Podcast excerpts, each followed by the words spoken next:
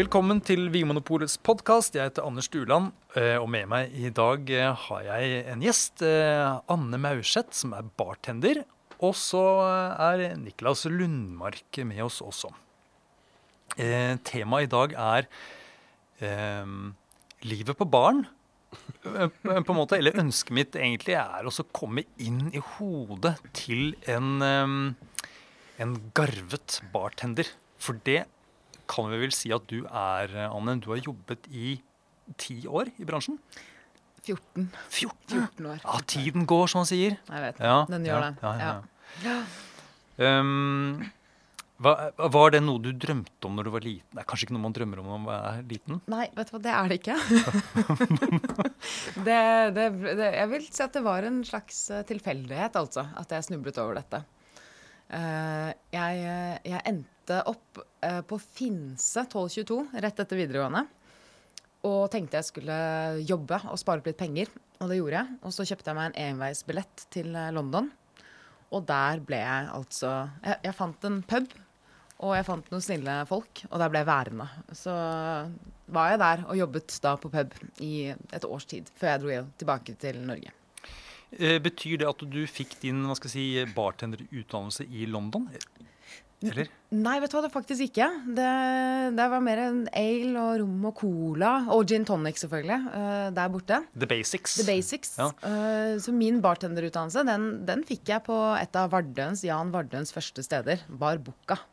Ja, Det var de som, eh, det var de som fikk både altså, hva skal ja, historikken om cocktails og forståelse av smak og balanse og syre og sødme. Det skjedde der. Ja. Så Mm. han var din mentor, på en måte? Ja, ikke at jeg jobbet med han, da. Han var så travelt opptatt med alle de andre stedene sine. Ja. Men, eh, men med de flinke folka som jobbet der, ja, det, det var de. Finnes det en, eh, skal si, en, en utdannelse for eh, bartendere i Norge? Er det en Ja.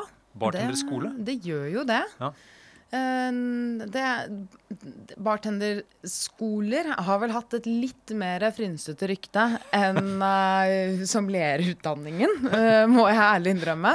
Men her er det, nå er det en del flotte folk som sitter på den andre siden og prøver å gjøre noe med akkurat det. Så jeg håper at vi ser en litt, mer, en, litt bedre um, plattform etter hvert. Ja, for jeg innrømmer at jeg har, dette er noe jeg vet veldig lite om. eh, Mhm. dette bartenderlivet. Men eh, så dere, eh, er det en sånn snakkis blant bartender og, og når det gjelder sånn bartenderutdannelsen? Hva er, hva er dette frynsete? Ja, det, det er en snakkis, kan vi si. Hva er det det går i? eh, Nei, det er litt sånn at Det blir litt som å ta førstudiet til universitetet på Ayanapa, eller type, den type ting. Ja, ok. Så, Så det er som både business og pleasure? Ja, veldig mye pleasure, tror jeg vi kan si. Minst mulig business. Ja. Så den, eh, det har vært litt eh, opp og ned der. Ja. Ja. Men, men når det er sagt, man drar jo med seg gode erfaringer av det meste, gjør man ikke det? Hvis man vil. Men ja. Så du tenker at det, det skulle, man kunne godt hatt en litt mer, litt mer ordna forhold? Ja, litt mer ordna forholdet. Ja. Hvis du da hadde fått uh, en telefon eh, fra Utdannelsesdepartementet vet, Fins det departement? Håper det. Ja. Og så sier jeg, Anne, nå, vi trenger en læreplan for, for, for bartendere. Ja, Hva, liksom, hva skulle på en måte mm, ja, der har jeg jo der føler jeg fylt opp den eh, uka med? Liksom, eller den, den time, uka, ja. timeplanen. Hva er, det, hva er det de skulle vært innom da? av... eh, Altså, det er mye. Jeg syns jo man skal lære litt sånn historie, da. Man skal forstå historikken i det før man kan ta et fag og begynne å tulle og, og tøyse og ha det gøy med det selv. Så skal man kjenne bakgrunnen. Så det, det, er, det er mye lesestoff. Uh, en del historie. Og så må man jo begynne man må begynne med the basics. Og så får man heller ta og liksom leke eh, Ja, ja, med det. Du, du snakker da om klassikerne, på en måte? Ja, for det- klassikerne, mm, ja. Det finnes noen sånne eh, godt definerte klassiske drinker Det gjør det. ja, som da må kunne eh, til fingerspissene. Ja. Litt sånn som å kunne tegne en hånd Ja. for kunstnere. Mm. Det er det. Før man begynner med dette, ja. dette moderne tullet. Ja, da skal man, hånda skal sitte, for å si det sånn. Nettopp. Ja. Eh, mm. Men er det ikke litt sånn for deg òg, Anders? Jeg, jeg, tror ikke, jeg tror ikke dine bar... eh, skal vi si uh, Barkompetanse er veldig høy. Du har ikke vært mye på bar. Nei, den er veldig veldig lav, min barkompetanse. Jeg har nesten sånn at jeg kan si at jeg har en del fordommer egentlig mot uh, mye av det som skjer på bar. Men er det ikke litt sånn Du er jo en vindrikker og øldrikker, selvfølgelig, Ja. og sider og alt det der. Men som vindrikker, var ikke du også liksom Startet du ikke med klassikerne? Jo Jo da, eh, for så vidt. Men nei, nei, det var egentlig, handlet egentlig mer om pris i begynnelsen.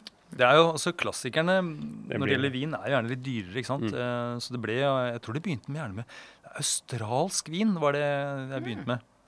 Og så mm. Men så Ja, etter hvert så utviklet det seg. ja. Nei, men altså, ja, jeg vet veldig lite om, om, eh, da. Men du nevnte dette med å lese, å lese seg litt opp også. Fins det, det, eh, det noen sånne bøker? Er det noe, på en måte noen sånne Ja, du, en hel, en hel haug. Ja. Eh, masse gode bøker der ute. ja, Har du noen tips hvis det, er, liksom, hvis det er noen som vil lese seg opp på Ja, altså vet du, det er så mange. Jeg vet nesten ikke hvor jeg skal begynne hen. Men eh, et sted å begynne å lese om klassikere Hvis man ikke nødvendigvis har lyst til å bruke masse penger og få det i bokformat eh, hjemme, så kan man bruke internettet og finne det som heter Difford's Guide. Eh, der kan man søke opp nesten alle oppskrifter som du kan tenke deg. Og så får man da en sånn fin lite oppsummering av hvor drinken stammer fra, og litt grann historikk om eh, hvordan den har kommet dit den er i dag. Og, og faktisk en veldig en bra oppskrift, da. Du må bare klare å, å konfigurere mellom ounces og centiliter, men det får man jo til. Vet du hva som er en av de mest leste redaksjonelle sakene på vinmonopolet.no? Nei? Drinkeoppskrifter. Nei, er det det? Mm. Er det sant? Det er sant. Jeg ble veldig nysgjerrig på hvem som har ansvaret for å skrive de drinkoppskriftene. jeg. Eh, det, det er ikke det meg, selv. det kan jeg i hvert fall si med en gang. Det skal vi tydeligvis være glad for, har jeg skjønt. Ja, mm. Ja, eh, min favorittdrink det er Bloody Mary. ja, men det er ikke dumt. Syns du det? Nei, den, sy- ja, det syns jeg er flott drink. Ja, det er, ikke en, er jo ikke en drink jeg begynner med sånn eh, Det er ikke en aperitiff akkurat eh, for meg. eh, Nei. Men det er mer sånn litt sånn utpå kvelden. Litt, litt lei Ja. av vin eller øl. Ja. så nesten som en sånn type nattmat. Jeg skulle til å si det. Litt mm. sulten òg, kanskje. Da mm. funker den fint. Litt sånn, ja. men det blir litt sånn avbrekk i Som med vinen og det, Ja. Litt sånn det blir noe annet. Ja. Ja. Det er gjerne den siste, siste jeg tar. Ja. Ja. ja. Det er min favorittdrink. Nå, nå, nå blir sikkert du helt kjempeskuffa. Men Kom igjen. jeg, jeg, jeg, ikke for at det er liksom det er liksom beste, men det er noe Det, ja, det er mojito. Og det er, men det er noe med den derre den balansen mellom det syre og fruktighet og, og sødme og ja. Noe som er tiltalende, som passer ofte. Altså Det er veldig morsomt. De to drinkene dere har nevnt nå, er ofte bartenderens store mareritt å lage. ja. For det tar lang tid. Ja. Men ikke minst fordi begge to er ganske vanskelig å få til eh, riktig. Mm. Det, er, eh, det er så skjøre mm, Altså, Det skal så fryktelig lite til for å sette den ut av balanse, og da er det ikke så veldig godt plutselig. Eh, Så det, er- det syns jeg er litt festlig. Man skal være en dyktig bartender for å virkelig få til både mojito og Bloody Mary. Så det skal du huske på. Det syns jeg er bra. Ja. Akkurat. Og, Ja. og mojito det tror jeg er noe som mange rundt omkring kanskje har prøvd seg på sjæl også. Ja, det kan være. Ja, kan, du, kan du beskrive på en måte hva er en, hva er en god mojito og hva er en dårlig mojito? Hvordan vil du liksom beskrive det? Jeg tror det første feilen veldig mange gjør, som jeg hadde gjort selv hvis ikke jeg var bartender, det er å gå og kjøpe mynte på Meny eller Coop Mega. Fordi der får du såkalt peppermynte. Og den smaker tannkrem eh, tvers igjennom. Så den mynten eh, man bruker på bar, den heter hestemynte på liksom folkespråket. Og den, eh, den kommer i bunter, så da må du nesten til en sånn her grønnsakssjappe altså, for å få tak i ordentlig god mynte. Men hvordan ser den ut? Den ser litt ut som brennesle i, i bladene. Oh, ja, det er Eh, litt mer litt sånn hårete. Hårete og litt tykkere, og så Ja. kommer den da på stilk. Ikke sånn som den som ser nesten ut som en basilikum, ikke sant. Den peppermynten ser litt sånn, eh, litt sånn mer delikat og skjør ut. Ja. Nettopp. Så det er et stor forskjell. Og så skal man ikke, man skal ikke mødle i hjel den mynten i bunnen av glasset Hva er, hva er å mødle? Mødle er å, å ha en, øh, altså, en uh, Ha noe med litt butt ende, så man kan liksom skvise ting nedi glasset. Bruke glasset som en sånn ja, Morter, nesten. en slags morter. Ja. Ja. Uh, og hvis du knuser disse bladene helt fullstendig, så frigjør du alt klorofyllet i bladene. Og det, da blir det litt bittert. Og det smaker litt beskt. Og det er heller ikke sånn kjempestas. Så lett mødling. Lett mødling, eller sånn klapping i hendene. Ta mynten mellom eh, hendene og bare daske den litt. Det, det funker best. Ja, dette er bra. Det er min, ja. Og så alltid bruk, alltid bruk et målebeger. Altså, finn, oi, ja, finn et målebeger og måle opp eh, rom og, og, og lime og sukker. Det er Nettopp. Det, det, så det er ikke kult å drive og ta og synge på slump, liksom. Nei, hvis ikke du vet helt hva du gjør, så er det kulest at det smaker godt, syns jeg, da. Ja. Jeg må hjem og daske mynten. Du skal hjem og daske mynten. Ja, Vi har noe mynte i, i hagen, faktisk. Det tror jeg kanskje er Ja, Er det riktig type? det kan fort være det, altså. du får det på Jeg kjøpt, Nå får du så mye forskjellige typer mynt på hagesentrene. Så Oh, ja, ja, ja. Spennende. masse forskjellig. Eh, ja, så nevnte du at, eh, at eh, mange av disse drinkene man finner på dette nettstedet, nevnte, så er det en historie knyttet til, og gjerne en opphavskvinne eller opphavsmann, kanskje? Uh, Ja, ja. ja den, den, har jeg, den har jeg funnet ut er litt Den kan være litt tricky å finne Ja, okay. sannheten i. Men at man kan, eh, at man den- kan spore det tilbake til en bar, Ja. en restaurant Ja. eller et eller annet sted. Ja, ja. Det, det har man sett Ja. eh, tendenser til. Ja. Ja, eh, for det har jeg skjønt at da altså det utvikles stadig vekk nye drinker. Ja. Eh, og noen av dem de, de, blir da stående i, i måte, drinkhistorien. Ja. Eh, og du eh, regner med da har laget noen egne kreasjoner, kaller man det? ja. Komposisjoner? Komposisjoner, ja. ja øh, jeg, har jo, jeg har jo det. Eh, jeg vet ikke om noen av de har, blitt stående i historiebøkene. Har du sjekka? Fins det en sånn type Du har ikke slått, prøvd å slå på den eh, på Eh, nettsiden? på Difference Guide, nei. nei Ja. vet du hva, Jeg har ikke det. Jeg tviler på at jeg finner meg, meg selv der. Men eh, jeg, har, jeg har en tendens når jeg lager hvis jeg, hvis jeg selv skal kreere noe, så lager jeg det gjerne til, altså, til et type event. Til noe veldig spesifikt. Og da er det da er det jo gjerne litt hjemmelagde ingredienser eller sesongbaserte råvarer og sånt. Så da er det ikke det en veldig sånn Det, er ikke nødvendigvis en drink som er så uh, lett anvendelig å bruke i bar.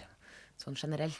Nei, Ja. At, eh, at ingrediensene kan være litt vanskelig å få tak i Ja. uh, ofte. Ja, Ja.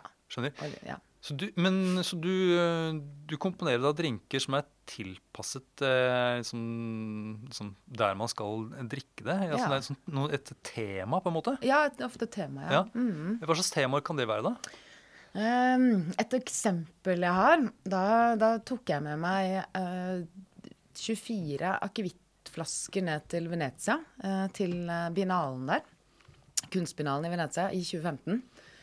Og da skulle jeg lage en eh, drink som var eh, Hva skal vi si? En, skal vi kalle det en, slags hommage til det norske bidraget nede i paviljongen. Um, og hun kunstneren som lagde eh, som hadde altså, uh, sin uh, installasjon der nede, den, det var lilla som var gjennomgangsfargen.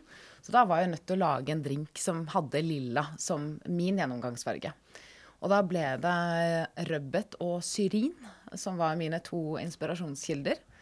Og det ble en, det ble en hit, det, altså. Det var en stor hit i det palazzo som vi som Oka og UDI hadde leid nede i Venezia. Så rødbet eh, og syrin og, Og akevitt. akevitt. Ja. Mm. Så, mm, eh, ja, men det er litt kult. Så du begynner, du, du hekter deg fast i noe eh, som er spesielt med dette du skal, liksom, der du skal servere. Mm. Og så bygger du litt rundt det, på en måte. Ja. Ja, Mm. Det, det høres, høres så gøy ut. Hvordan, eh, Ja. hvordan får du syrin inn i en drink? Eh, Syrinen er jo den, den er fin. Altså. Den er for øvrig også i blomst nå, uh, så den kan man plukke. I, helst fra sin egen hage. Uh, Hett tips for øvrig. Og den, den kan man rett og slett Hvis du legger den på litt papir og bare lar alle småkrypene få lov til å forsvinne ut, skyller den litt kanskje til og med, så kan du legge den på i, bare i en krukke med hvitt sukker. Og så vil sukkeret trekke til seg smaken av syrinen. Og da kan man lage en sirup på det i etterkant. Man kan også ta kandisere disse blomstene eh, veldig forsiktig. Dyppe de ned i en litt varm eh, sukkerlake, og så la de stivne. Så blir det sånne utrolig vakre små kunstverk da, som du kan bruke å pynte ting med. Kaker og drinker og ymse. Ok, Så dette er også å gjøre en sånn aromauttrekk ved hjelp av eh, sukker. Ja, Det er noe man kan gjøre med, med urter og blomster og Ja. eh, forskjellige ting. da. i Um, grunnen altså. mm. Sukker og salt for øvrig har, eh, har eh, egenskapene til å trekke til seg eh, smak og, og til dels litt farge. Mm. ja. Bra tips. Bare pass på at det er ting som er spiselig. Ja, det er veldig Eh, viktig. Ja, mm. Eh, Det skal sies at eh, dronning Sonja var en av de tiltenkte gjestene på det eventet. Oh, ja. Og jeg gjorde mye research for å finne ut om italienske syriner var like spiselige som norske. Ja. Det var de. Dronningen kom ikke, men det gjorde Mette-Marit. Så Ja. da, da var det det var, det var kjekt å vite. Det var greit. Ja. Det er ingen, ingen munnskjenk eh, som passet på først. Nei. Nei. Og rødbetene, da? hvordan, eh, Det var ikke biter av rødbet oppi, regner jeg med? Nei da. Nei, jeg tok Rødbetsaft, var det? Ja, rødbetsaft. Ja. Ja. Ferskpresset eh, rå rødbeter. Kan man varmebehandle det litt? Det er jo ganske jordlig. Ja. Uh, hva, liksom Hva bidrar det med i en drink? Sånn, Det, det blir sånn basstonen, på Ja, basstonen, ja. Det er en veldig, veldig fin måte å si det på. Absolutt. Eh, hvis man varmebehandler den rødbetjuicen veldig lett, altså en veldig lett og delikat pasteurisering av den, altså bare tilføre varme, så vil sødmen i rødbeten ta litt over den der litt sånn krasse jordligheten. Og da blir det morsomt å bruke det. Det funker rødbet og, og sitrusfrukt funker veldig bra sammen. Men ikke for mye. Man må alltid være litt sånn litt uh, forsiktig med rødbeten. Så du har, eh, Nå ser jeg for meg at eh, hjemme hos deg så er det, ligger det ting på sukker og salt og på krukker og Er det sånn? Vet du hva, det er mest på jobben, altså. Det er mest Jeg, en, leiligheten er ikke så stor, og to, jeg er jo litt lite hjemme. Jeg er mest på jobben når jeg først har en bar jeg drifter eller jobber i. Ja. Ja. ja så hva er det som, kan du ikke beskrive hva er det som står bak, eh, bak eh, disken eller på bakrommet av, av ulike prosjekter og liksom Det er vi Skal vi se. Vi, vi har gjort mye. Vi har drevet med en såkalt laktofermentering av både banan og granskudd. Altså gjæring med melkesyrebakterier? Ja, Ja. det er veldig morsomt. Men du skal også lønner seg å lese seg litt opp på Ja. hvordan man eh, Hva behandler det. Hva skjer da? Hva skjer med bananen når du eh, og, og hvor får du melkesyrebakteriene fra? De kjøper jeg på apoteket. Eh, og så Spør Nei. du da om jeg skal ha melkesyrebakterier til banan?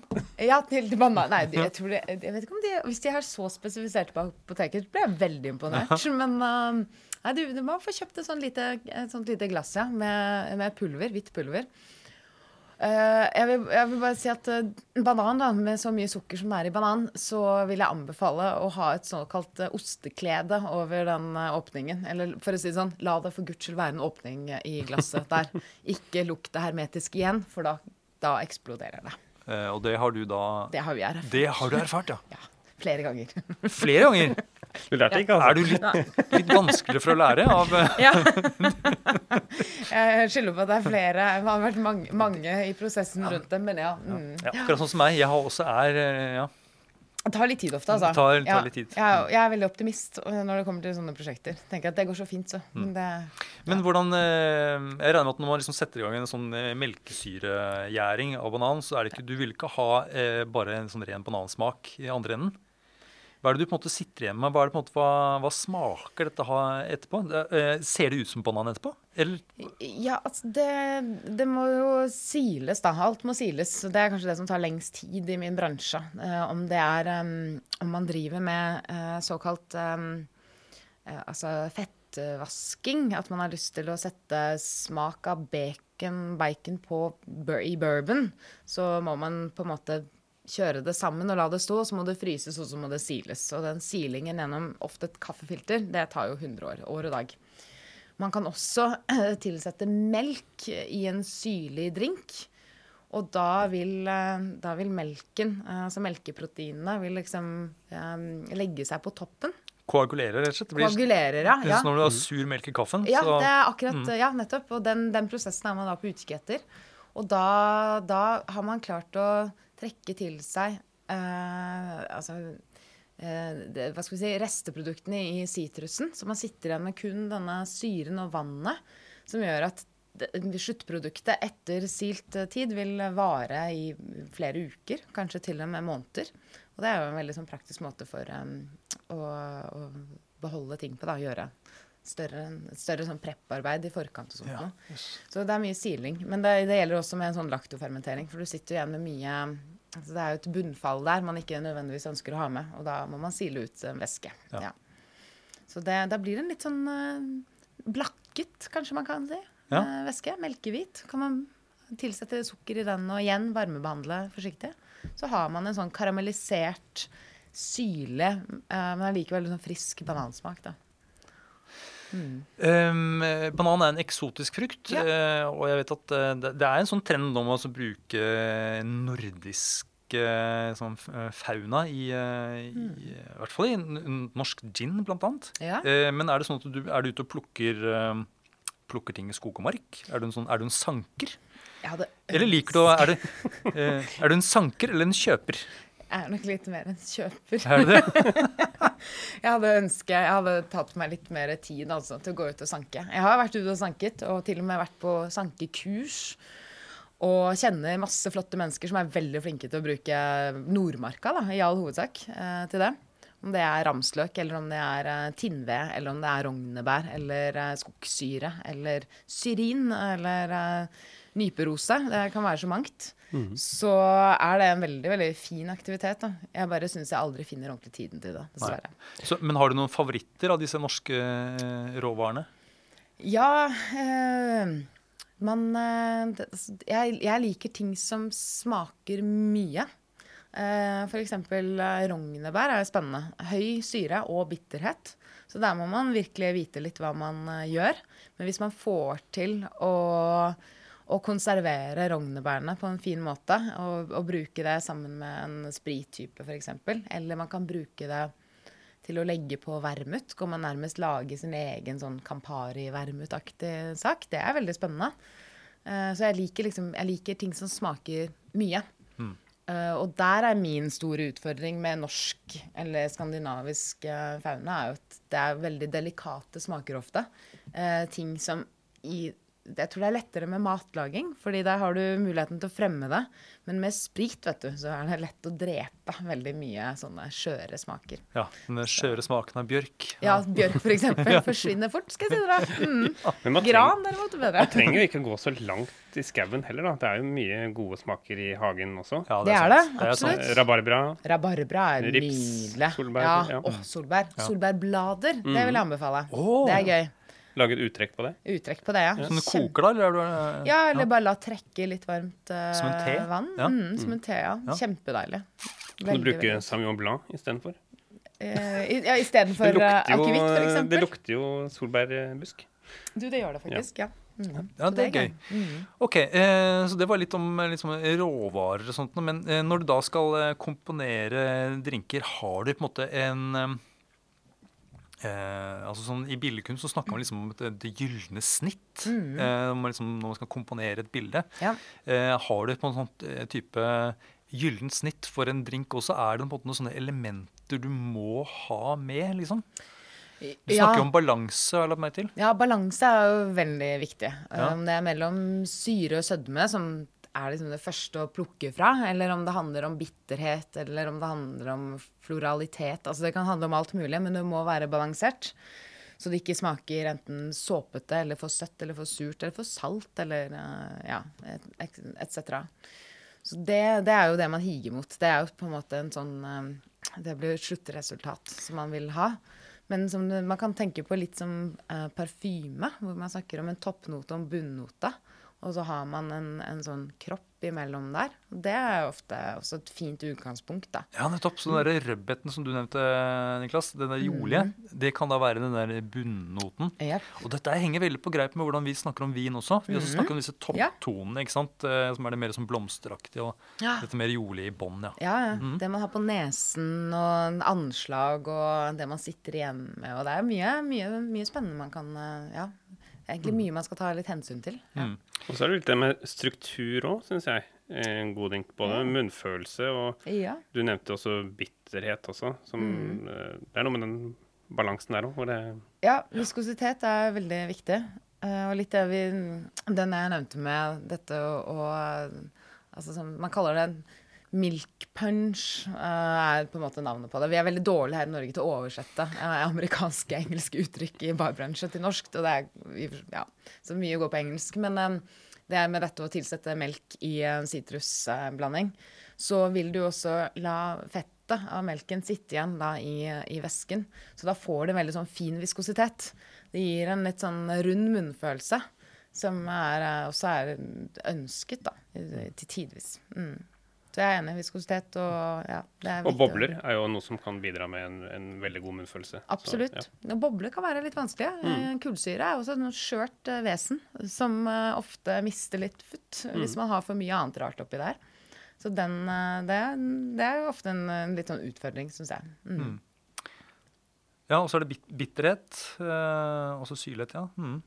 Vi snakker om tannin ofte i, i, i, rødvin. Det er det kanskje ikke så mye av i, i eller er det det? Nei, egentlig sånn ikke. Sånn snerpende munnfølelse? Nei, ikke så ofte. Ikke hvis det er veldig veldig syrlig. Da Da gir det den samme følelsen. Liksom tart. Eh, mm. Den, det som er nesten ikke Ja, snerpete. Det legger seg sånn helt bak i ganen. Uh, og det, det, kan være, det, kan være, ønsket effekt, tidvis. Uh, men det er jo for veldig mange også ikke en behagelig munnfølelse. Og der har man jo da hele spekteret man må forholde seg litt til. da. Mm som er spennende når folk skal bestille drinker. Så er det viktig å ha litt, uh, litt uh, Hva skal vi si Være litt oppegående rundt språket der, sånn at man klarer å formidle hva og klare å forstå hva en gjest egentlig har lyst på og er ute etter. Ja, nettopp. Du må, du må kartlegge litt først. Ja. Eh, nettopp. Hva, liksom, da spør du liksom, hva, er det, hva, er det, du liker eh, ellers og sånn? Ja. ja. ja også det å spørre etter hva folk virkelig ikke liker, har vist seg å være mye mer effektivt. Ah, ja. Fordi da, da, lærer man plutselig sånn, Noen hater agurk. Det er kjekt å vite, for de fleste elsker jo agurk i drinker. Ja, men agurk syns jeg er veldig vanskelig, fordi noen agurker er jeg borti. Eh, Eh, er jo helt nydelig. Eh, og så fins det også agurker som nesten eh, lukter som en sånn type tran og kattepiss. Ja, ja, ja. Veldig, veldig, jeg har aldri helt skjønt hvorfor det blir sånn. Hvis noen vet det, av dere som hører på, eh, send en e-post. Merk kattepissagurken. Ja. Eh, nei, men, altså, men, er det noen gjengangere da, av, av, av noe av folk, folk ikke liker? Ja, og det, vet du hva, det er ofte bitterhet, altså. Faktisk. Ja, det, er bitterhet, ja. um, det vil jeg si. Og ja. Og, og, det handler også kanskje om at de som, de som, liker bitterhet der ute, og det er mange av dem også, veldig mange, uh, de uh, de er kanskje ikke så redd for å la seg overraske av bartenderen, hva man kommer med. Men de som ikke liker beskhet eller bitterhet i, i, i, i drikkevarene sine, de vil jo gjerne si fra om det. Og det, det skjønner jeg kjempegodt. Det handler jo om DNA. og mm smak. Mm. Jeg er jo i den gruppen. Mm. Altså Jeg har problemer. Jeg kan ikke spise en grepfrukt, f.eks. Nei, nettopp. Det er for bittert. Det er for bittert, ja. Er det sant? Du som ja. liker, du er veldig glad i espresso? Veldig glad i espresso. Ja. Og jeg med også en gin tonic, f.eks. Ja. Jeg liker jeg ikke, for tonicen blir altfor bitter. Ja. Men jeg syns at tonic eh, kan være et veldig en god ingrediens i en cocktail, eller en mocktail, fordi det bidrar med en form for struktur, den bitterheten. Men en ren sånn gin tonic, det, det er ikke min greie. Ja, apropos det, i fjor så eh, begynte vi også å leke oss med å blande eh, tonic og espresso. Ja, og det er godt. Ja, ja det, var, det, var, eh, ja. det var, nesten mind-blowing for, ja. for, meg. Ja. Det er kjempegodt, faktisk. Mm. Er, det en, eh, er, det en, greie, eller er det, eller er det passé? Nei, jeg syns Du, vet du hva, det, nei, passé kan man ikke kalle det. Altså. Det syns jeg, jeg synes er en flott uh, sommerdrikk. Uh, God iskaffe. Ja, ja, men det, ja nettopp. Mm. Mm. Og sånn kaldbrygg og sånt nå syns jeg òg man, man, skal ikke glemme det. Selv om det var veldig hypa for noen år siden, så er det supre alternativer. Ja, stilig. Mm. Det er bra. Um, er, det, er, det, er det noe som er avantgarde? Er det noe som er på en måte helt i utkanten av hva du tenker er akseptabelt eller mulig? Eller på en måte hva er de som ligger helt, helt, helt foran i drinkverden? Hva er det de holder på med? Oi. Og det er et veldig godt spørsmål, altså. Uh, altså, man har jo sånne, man har sånne utstyr som man ser på de flotteste barene rundt om i verden. Sånn rotovapp og sånt noe. Slags redestillatsutstyr for hjemmebruk. Koster jo 100 000 kroner og lager 8 centiliter i timen eller noe sånt. noe, Så det er ikke akkurat eh, det er ikke sånn barvennlig for store volumer. Men det er jo veldig, veldig interessant, da. Du kan f.eks. putte noe med farge oppi der, redestillere det, så får du et klart produkt ut. Så der kan man jo virkelig leke med gjestenes eh, oppfattelse av ting. Og det kan være morsomt nok i seg selv. Men eh, jeg vil jo si at litt sånn animalske produkter utover eggehvite og kanskje baconinfusert eh, bourbon og denne melkecurdlingen, eller melkekoaguleringen, så er det jo ikke så mange som bruker på en måte kjøtt eller servelat eller lignende i, i drinkene sine. Ja, ja. Og fisk også. Her Fisk, vi, ligger vi langt unna. Ja, og du, mm. men det er veldig interessant, fordi jeg, eh, her i stad tror det så snakket jeg med, med en kollega som uh, sa at eh, ja, han hadde en far eh, som eh, spiste det som heter gaffelbiter. Har du borti det? Gaffelbi, ja, ja, selvfølgelig. Jeg er veldig glad i det. Mm. Det er jo, det er jo, det er jo brisling, eller er det sild, som er nedlagt i en sånn type Brisling, ja. Ja, dill-krydderlake. ja liksom sursild, eller ansjosfilet. Ja, en kryddersildaktig, Ja, ja. ja. Eh, Men det greia her var at etter at han hadde spist disse gaffelbitene, Ja. eh, altså fiskebitene som lå oppi, så slurpet han i seg denne laken som var oppi boksen. Ja, ja, ja. Eh, Ja, det- er, er det, er, kunne det vært noe?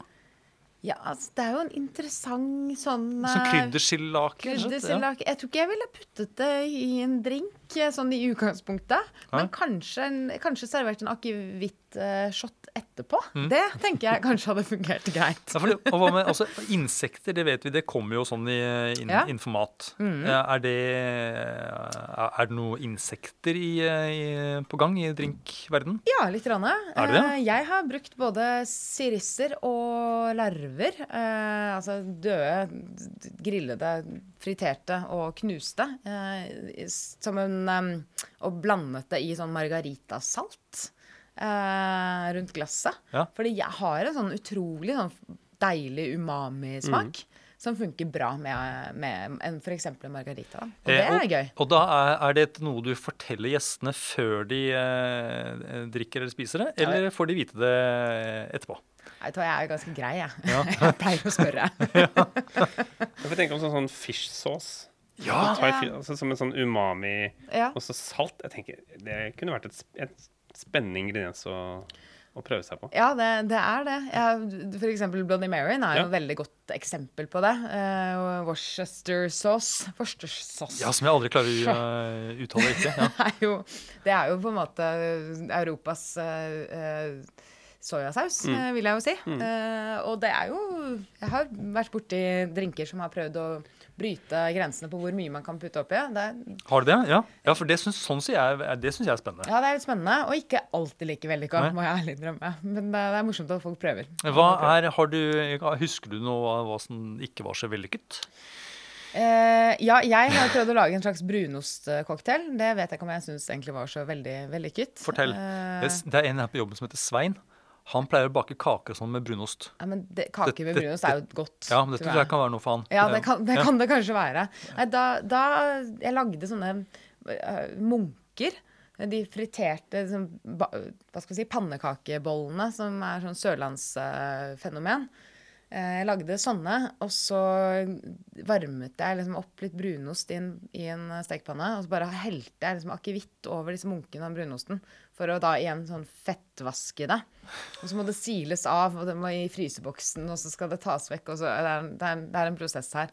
Men det, det, det var jo på en måte litt godt, og så var det ikke så godt. Eh, godt nok, Eh. eller ikke bra nok til at det gikk på en meny, i hvert fall. Men dette her var altså den idé du klekket ut eh, på forhånd. Du tenkte nå skal jeg bake noe. Nå skal jeg legge mye innsats i å bake disse munkene først. Ja, ja, Og så eh, tar jeg da også heller akevitt over. ja. Og så tar jeg det som måtte renner ut ja, ja. etterpå. Og så bruker jeg det. Hva var, hva var tanken bak der, egentlig? Eller var, det var ikke sånn at du bare mistet tilfeldigvis akevittflaska over, over en kake? Det var liksom um, å lage litt sånn altså, hva skal vi si, nesten sånn vaffel med, med jordbærsyltetøy og, og brunost i en drinkformat, Mhm. på en måte. Nettopp. Litt den stemningen der. Ja, eh, Norsk kaffeslabberas Ja, i, drinkform. I, et glass, ja. Mm, Ja, Essensen, liksom. En sånn type eliksir. ja eliksir, ja. Ja, Vaffeleliksir. Mm. Munkeeliksir.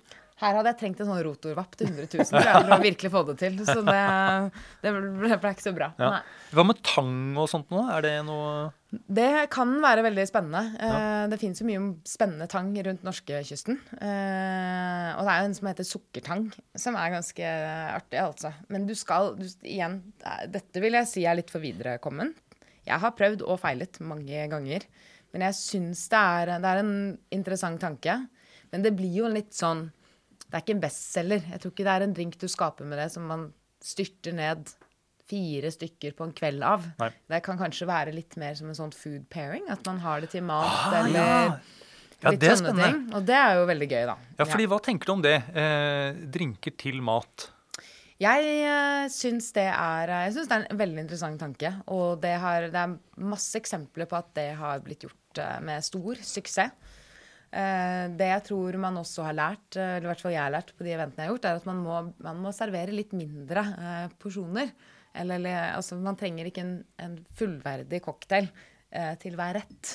Eh, for det blir jo mye Det blir ofte litt mye høy, altså mye alkoholprosent på disse som skal spise seg gjennom Mm. en sånn tastingmeny.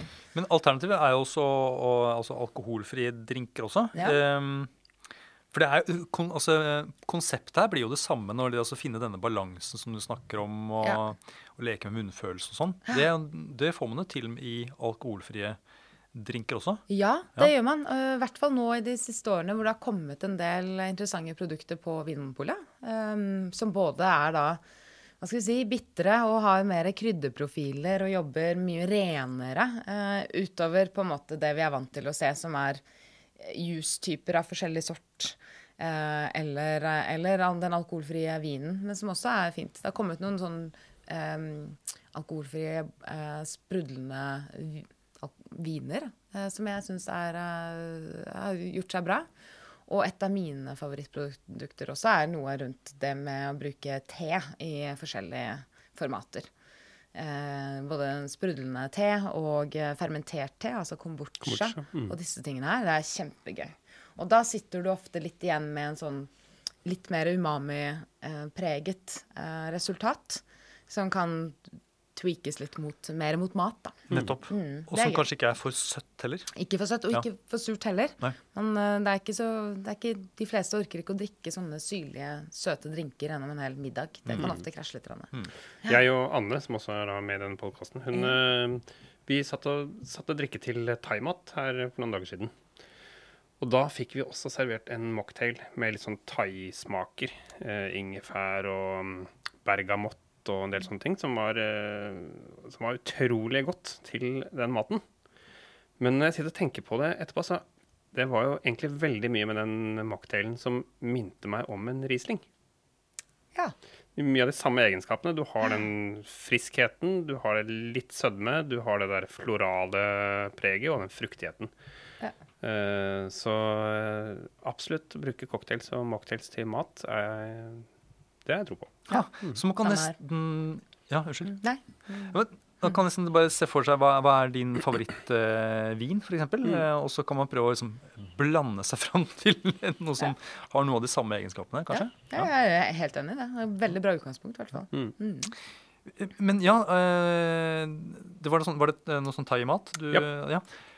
Er- det ulike eh, en drink eh, eller sånne miksekulturer eh, fra eh, forskjellige verdensdeler og ulike kjøkken? Eh, Altså man snakker om, Når det gjelder mat, så har man ulike kjøkken. Italiensk, fransk, Ja. kinesisk, tyrkisk. Er det noe sånt i, i, i din verden også? Ja, det vil jeg jo påstå. Eh, jeg synes jo det man, altså, Når det kommer til cocktails, altså det man absolutt ser, er jo hva slags brennevin man har i de forskjellige verdensdelene og landene. Altså I Frankrike så er det Calvados, Armagnac, konjakk, så veldig mye som går igjen. ikke sant? Eller, eller for den saks skyld fruktdestillater. Og da er vi plutselig over i litt sånn alpestrøk og Nord-Italia i tillegg. Og i Italia har du grappaen, ikke sant? Drue, druebrennevinet. Mens i i Mexico eh, og lenger nede i Sør-Amerika så er det jo tequila, gavebasert eh, sprit, som gjelder. Og du, du ser på en måte hva Når du reiser rundt, så ser du hva de har, eh, hva de har tilgang på av råvare for å destillere spriten selv. Og der tror jeg også at kjøkkenet, med hva slags smaker man er vant til, går veldig inn i det. Eh, om det er mye sitrus og syre, eh, eller om det er mer rent brennevin for den saks skyld, eller om det er eh, andre fruktjuicer og, og, den type ting. Så det, og ikke minst krydder, krydderaspektene av Mm. det. Ja. Så det, det vil jeg absolutt si, altså. Mm. Og her i Norge så har vi jo akevitt. Her er akevitt, ja. Ja. Eh, er det brukende, eller? Å ja. Ja. Veldig, veldig, veldig anvendelig på mange, mange måter, altså. Det er jo en veldig spennende sånn krydderprofil akevitt, som kanskje ikke folk flest tenker er så sånn cocktailvennlig. Men det syns jeg det er. Um, det er jo sånt, igjen, da, det vi har sagt om umami. eh, det er jo veldig sånn salt, matpreget krydderprofil i akevitten. Men det betyr ikke at det ikke kan brukes med både eh, friske bær og fruktjuicer og sitrus og syre og forskjellig. Det Mm, ja. funker bra. Ja, Har du noen sånne favorittkombinasjoner si, som du Ja. liker å bruke til akevitt? Er det noen eh, Ja, vet du hva, det er faktisk eh, kanskje en av de første sånn virkelig eh, Hva skal jeg si sånn, Litt sånn eh, publikumsslager-drinken jeg har smakt på akevitt. Den, den er kreert i New York av en amerikansk bartender. Den eh, er kalt Midnight Sun. Og der, er det, der har man eh, fokusert på grønn kardemomme, som man drar fram kardemommen fra akevitten. Så er det grepfruktjuice og litt eh, lime. Eh, og så er det en, en, eh, en litt sånn kryddersirup med litt sånn stjerneanis og litt pepperkorn og sånt man har laget ved siden av. Og den, den kombinasjonen der, altså, den var, eh, det var rett og slett stor, stor hit. Og da, da er det brukt sånn type klassisk fatlagret akevitt. Fatlagret, ja. ja. Jeg tenker også på at sånn, sånn som en sommerakevitt, en lys akevitt Altså Mm. En akevitt skal jo da smake tydelig av dill og eller karve. Ja. Eh, men spesielt mange av disse sommerakevittene har et veldig sånn sitrus-floralt preg òg, som kan gå mer i retning av noe sånn gin. ja. Og det trenger ikke være så vanskelig at man kan også lage en akevitt-tonic istedenfor en gin tonic. Det kan man gjøre. Og det, det funker veldig bra. Mm. Det syns jeg det gjør. Altså, for de som er virkelig glad i akevitt, så fatlaga akevitt og tonic det er også godt, Mm. syns jeg. Um, og, men eh, som du sier, de, de lette, og nå har det kommet så utrolig mye spennende også. Det er jo, det er jo trender i, eh, i, i, eh, i din eh, altså I drinkbransjen også. Um, nå er det Nolo, blant annet. Det, det Mm. Er vel en trend? Det er veldig Eh, stor og, vi, trend. og vi tipper da at det med fisk etter hvert vil bli en trend. Etter den podkasten her, for å si Ja. det sånn. Eh, Ja. men, det altså, men jeg husker jo eh, tilbake i tid, eh, så var jo det med flammer eh, jeg vet Er det, noe, kalle er det noe fordommene dine kommer inn, nå, skal vi, nå skal vi snakke om fordommer og klisjeer. Um, er, er flammer Er det kult fremdeles? Nei. Nei. Nei, det, nei. Men, og vet du hva? Med så gode brannslukningssystemer som fins i nybygg nå, så vil jeg ikke anbefale Ah, okay. flammer for noe som helst her i verden. Nei. Nei, det blir mer Det er trøbbel, rett og Det er, det er trøbbel, Ja, ja. mm. Ellers men hvis det ikke hadde vært sånne brannslukningssystemer, ville, du tent på Nei, drinker? Jeg, nei, jeg vet ikke om jeg ville det, altså. Nei, ok. okay. Um, nettopp. Uh, og så husker jeg en gang jeg var på et julebord uh, lenge lenge siden. Den gangen jeg jobbet på bensinstasjon. Og da var det en, en bartender som da uh, Jeg sa lag, lag noe spennende! Og så lagde han da et sånt lite glass, og det var noe, jeg vet ikke om han lagde det selv, og han kalte det for eggløsning. Kjenner du til den? Nei, absolutt ikke. Nei. Og dette høres helt og forferdelig vet Ja, ut. og det var et sånt lite shotglass, og oppi der så var det et eh, Det var en, en annen sånn klar eh, brennevin eller likør eller noe. Og så var det da eh, noe rødt i bånn, og så var det da en dråpe med eh, eggelikør som lå liksom el- Det også tenker jeg Sånn Jeg tenkte allerede da, den gangen som eh, en, en ung, eh, ung mann, eh, så tenkte jeg at det her Er dette kult, egentlig? Nei, dette er ikke greit i det hele Nei. tatt. Det er ingenting med dette her som er greit. Ja, men, eh, men er det noen sånne Er det noen sånne drinker som du vet om, som man bare kan Det kan man slutte med? Ja, eksempel sånn som det der. Ja. Sånn en shot som er eh, lagvis laget eh, med noe søte For den eneste grunnen til at dette her holder seg skilt fra hverandre, er pga. sukkerinnholdet her. Det, må, det er viktig å få med. Og, og med litt sånne litt sånn eh, Det er ikke bra. Nei, det her er ikke bra. Nei, vet du hva, det her høres ikke bra ut i det hele tatt. Nei. Nei. Ok, Men, Men- lag, lag på lag, eh, ikke, Eh, det er ikke så trendy lenger. Jeg, jeg syns jo egentlig at eh, shots er noe som vi burde bli ferdig med. Okay. Eh, og det handler ikke om å få servert brennevin alene. En to eller en fire centiliter med valgt brennevin. Det skal, det skal man få lov til å drikke akkurat som man vil, og det syns jeg. Men det å stå og, og få servert noe, gjerne noe litt Nei, noe Og så bare shotte det i seg for eh, for da å oppnå den rusen man Ja. ønsker. Det handler ikke om smak jeg- lenger. Det handler ikke om smak, og det, det handler ikke om å bete seg vel, og det handler om så mye annet rart. Så Nei. det syns jeg kanskje at vi kan kalle litt sånn avleggse Mm. Ja. Ja, fordi her, det, er det, er, er den smaksopplevelsen. Ja. Det er jo egentlig ja. Det er det man eh, er på jakt etter her. Det er jo det. Ja, Uh, ja. ja det er kult.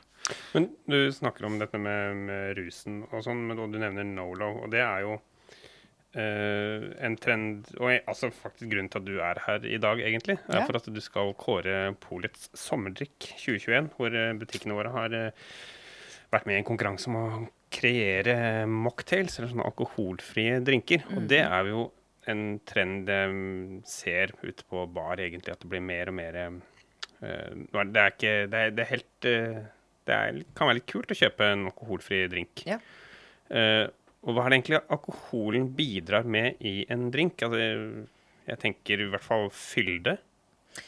Fylde og smak, altså. Man må jo innrømme det. Jeg syns f.eks. det er vanskelig å kreere en virkelig god uh, mocktail eller alkoholfri drikk uh, enn en alkoholholdig drikk. Og det handler om at det ligger så mye i den alkoholen, om det er vin eller hetvin eller om det er sprit, så er det allerede en, en kjempemessig eh, smaksprofil som man kan på en måte bygge rundt. Det blir en slags byggesten.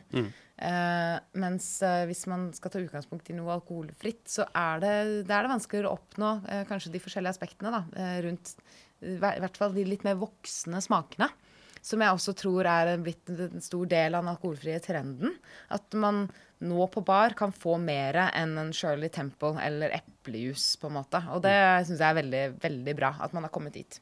Men det krever litt mer, og det, det, det syns jeg at uh, veldig mange nå tar, tar en god del Eller tar ansvar rundt. Det er gøy å se.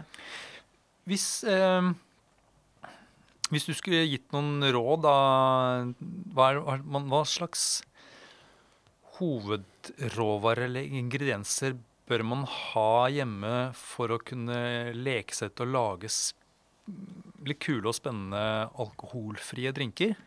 Ja, her må jeg jo si at eh, det som har blitt sendt inn av eh, Vinmonopolets ansatte, hvor og jeg har sett på alle oppskriftene, og det ble valgt ut ti stykker som på en måte ble presentert i første runde. Jeg var mektig imponert over både oppfinnsomhet og, og tanke rundt det. Eh, det. Noen var mer kompliserte, og andre var mye enklere. Men det var veldig veldig morsomt å se. Og da ble jeg òg veldig godt introdusert til Vinmonopolets alkoholfrie eh, gruppe. Fordi jeg kjente dem fra før av, er ting jeg har brukt i egen bar. Eh, og det er og det var, det var virkelig gøy å se kanskje litt mer sånn basisutvalgvarer. Eh, også brukt i morsomme oppskrifter her. Det, det var gøy. Og da tenker jeg litt sånn igjen som vi var inne på litt tidligere. Da, tenke, hvis du skal ha noe hjemme og lage noe gøy, tenk litt på øh, øh, på, liksom, øh, på selskapet, eller hvilken, hvilken sesong det er, eller øh, hvem du skal underholde, eller om det bare er for deg selv, eller om det er for barna, eller om det er for de eldre, eller om det er for hele gjengen. Eh, og det, ja, friske bær, og så bruke frisk sitrus med det. Og gjerne ta og let litt eh, rundt etter hva du syns er godt. Om det er tonic, om det er bitrere ting. Om det er um, litt mer altså, ja, lettere, mer fruktige ting. Bare begynne litt der. Og så kan man begynne å egentlig gjøre det meste altså, hjemme på kjøkkenbenken. Nettopp. Trenger ikke så mye utstyr og trenger Nei. ikke så mye rart. Nei. Og en flaske med tabasco og litt ja. fiskesaus òg, Fiskesaus? ja. Da må du huske på den tomatsausen også. Ja, men det ja, ja. er bare å kjøre på. Å ja, ja.